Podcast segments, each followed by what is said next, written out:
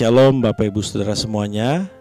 Beberapa waktu lalu di musim liburan ada uh, mobil yang jatuh ke laut ya di penyeberangan saya eh, tidak tahu persis apakah Bakahuni atau di Merak. Itu mobil jatuh Bapak Ibu Saudara karena ombak sedang tinggi-tingginya. Ya menurut beberapa orang itu peristiwa atau hal yang mengerikan Bapak Ibu ya. Lalu ada juga yang berkata uh, mengerikan kalau melihat setan, apalagi makin serem setannya makin mengerikan begitu ya. Nah saya tidak tahu apa atau hal apa atau peristiwa apa yang menurut Bapak Ibu mengerikan saya tidak tahu tapi saya mau kita melihat Alkitab Bapak Ibu bahwa hal yang paling mengerikan yang pernah terjadi di sepanjang peradaban manusia itu yang pertama adalah ketika manusia jatuh dalam dosa. Ketika manusia jatuh dalam dosa, manusia terpisah dari Allah. Manusia sudah tidak lagi terhubung dengan Allah. Mereka tidak punya komunikasi dengan Allah. Mereka tidak punya hubungan yang dekat, yang harmonis dengan Allah. Ini ini peristiwa atau hal yang sangat mengerikan. Nah, peristiwa yang kedua yang menurut saya yang mengerikan adalah ketika manusia berdiri di hadapan Allah. Matius mencatat Bapak Ibu bahwa Allah berkata, "Aku tidak mengenal engkau." Padahal mereka sudah melakukan banyak mujizat, bernubuat, mengusir setan dan sebagainya. Ini hal yang paling mengerikan Bapak Ibu, tidak dikenal atau hidupnya tidak dirasakan, tidak dinikmati oleh Tuhan. Ini hal yang menurut saya sangat mengerikan. Nah, sebenarnya saya tidak sedang membagikan hal yang mengerikan. Tidak Bapak Ibu, justru kalau kita switch, kita balik Bapak Ibu. Hal yang mengerikan ini bisa jadi hal yang menyenangkan.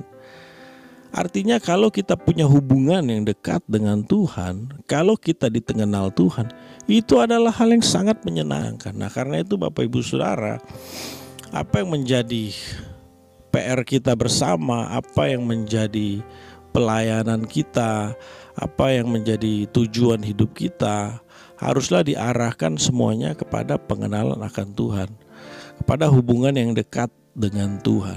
Saya kasih contoh Bapak Ibu kita yang mengambil e, waktu doa, pastikan kita semakin dikenal Tuhan. Waktu kita bekerja, beraktivitas, semua harus diarahkan ke sana. Ini merupakan e, satu bentuk atau satu bukti bahwa saya bekerja sebagai orang yang dikenal Tuhan, yang punya hubungan dengan Tuhan. Nah akan jadi mengerikan lagi Bapak Ibu Saudara kalau kita rajin doa, kita bekerja beraktivitas, tapi ternyata kita tidak punya hubungan yang dekat dengan Tuhan. Yang pada akhirnya nanti Tuhan tidak mengenal kita. Sekali lagi itu hal yang paling mengerikan, peristiwa yang paling mengerikan. Saya mengajak kita belajar dari tokoh-tokoh Alkitab di mana banyak sekali tokoh-tokoh Alkitab yang pada akhirnya gagal. Tapi tidak kalah banyak tokoh-tokoh Alkitab yang berhasil membangun hubungan yang dekat dengan Tuhan. Secara konsisten punya hubungan yang dekat dengan Tuhan. Contohnya Daud. Kalau kita masuk lagi ke dalam perjanjian baru para murid para rasul. Ya kita bisa belajar dari orang-orang yang sama sekali gagal atau dari orang yang pernah gagal kemudian berhasil. Kita juga bisa belajar dari orang-orang yang selama hidupnya dia konsisten mengenal Tuhan, punya hubungan yang dekat dengan Tuhan. Dan pada akhirnya sekali lagi orang seperti ini dikenal Tuhan.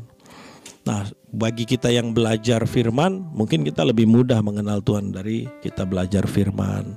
Makanya kita yang baru-baru jadi Kristen, ya harus banyak belajar firman.